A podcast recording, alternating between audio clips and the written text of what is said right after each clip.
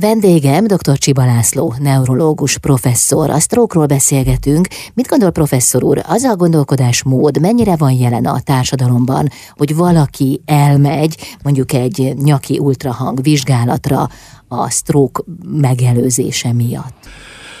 Hát sajnos az emberek gondolkodását elég nehéz megváltoztatni. Kb. 100 vagy inkább 120 évvel ezelőtt Mixát Kálmán azt írta valahol, hogy egy igazi férfi legalább 100 kiló. És amikor mm, valamelyik, már akkor talán olimpiai bajnok úszon átúszta a Balatont, akkor kigúnyolta mondván, hogy addig úszik, amíg majd úszonya vagy kopoltyúja nem nő. Sajnos ezt a gondolkodásmódot nehéz megváltoztatni. Nekem is van olyan nagyon kedves ismerősöm, sikeres üzletember, aki egyszerűen nem hajlandó tudomásul venni, hogy a vércukra, a vérzsír értékei azok az egekben vannak, és ő ezt azt mondja, hogy családi vonás, a sikeres üzletember tevékenység ellenére és a nagyon éles esze ellenére is rohan a szakadékba. A kezelés nélkül a szélütés 10%-ban tér vissza. A szélütés szenvedők csak 10%-a ér tér vissza az eredeti munkakörébe és az eredeti életminőségében.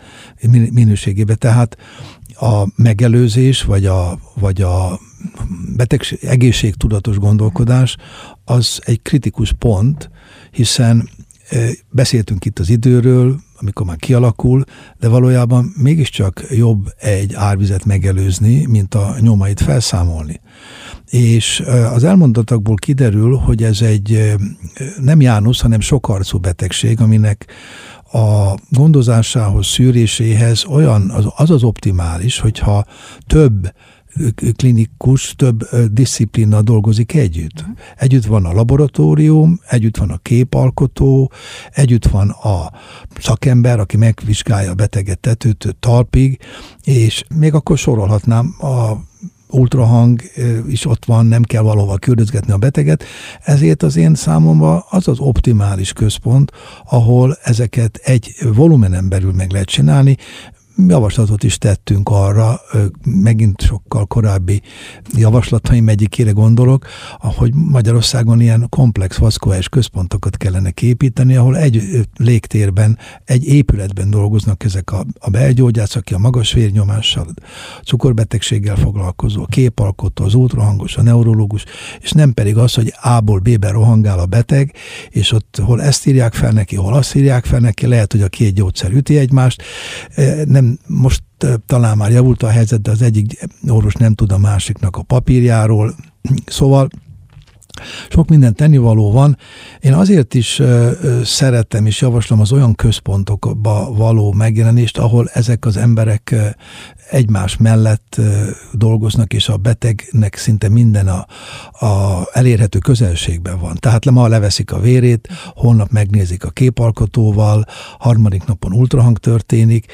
Ezt a szemléletet próbáljuk Debrecenben is követni évtizedek óta is, ezt a szemléletet, ezt a holisztikus, ezt idegen szóval próbáljuk itt is például a Mind Klinikán Budapesten követni, Miért? Hát a laikus is pontosan tudja, hogy ha van egy kocka, aminek van hat oldala, és az egyik oldalán van egy pont, az utolsó meg hat pont, akkor ezt a kockát akkor tudom igazán leírni, hogyha mind a hat oldalát végignézem, hogyha ezt a beteget, akinek minden szervét érinti a rizikó, érintik a rizikóbetegségek, akkor legalább ezeknek a szerveknek a szív, a emésztőtraktus, az erek, az agy minél több részét megtekintjük, mert így tudjuk a megelőzést igazán hatékonyát tenni sokkal nagyobb így az esély az állapot javítására. Egyébként arra vonatkozóan vannak-e kutatási eredmények, hogy hány százalékban gyógyul a stroke maradványtünetek nélkül? Tehát lehet -e azt mondani, hogy valakinek teljesen elmúlt, és nincs semmi? Vannak, elég pontos adataink vannak. Akut szélütés esetén, és most maradjunk a érezáródásos, hiszen itt sokkal nagyobb a sikerarány, mint a vérzésnél ha a megfelelő időablakon belül, ami most már, ahogy mondtam, az esetek döntő többségében négy és fél óra, ha szelektált, tehát speciális módszerekkel, ahogy mondtam, ki lehet tolni 9 órára, az arány a következő. Ha valakit egy órán belül tudunk kezelni, akkor 100 betegből 50 tünetmentes vagy alig tünetes lesz.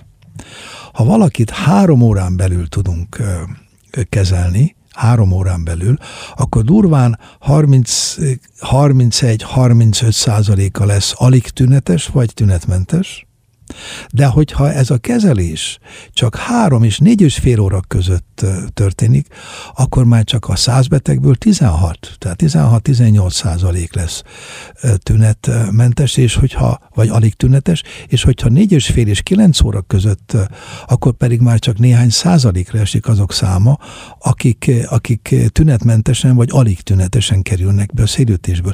Ezek a számok illusztrálják a legjobban, hogy az idő agy. Mennyire, de mennyire így van. Vendégem dr. Csiba László, neurológus professzor.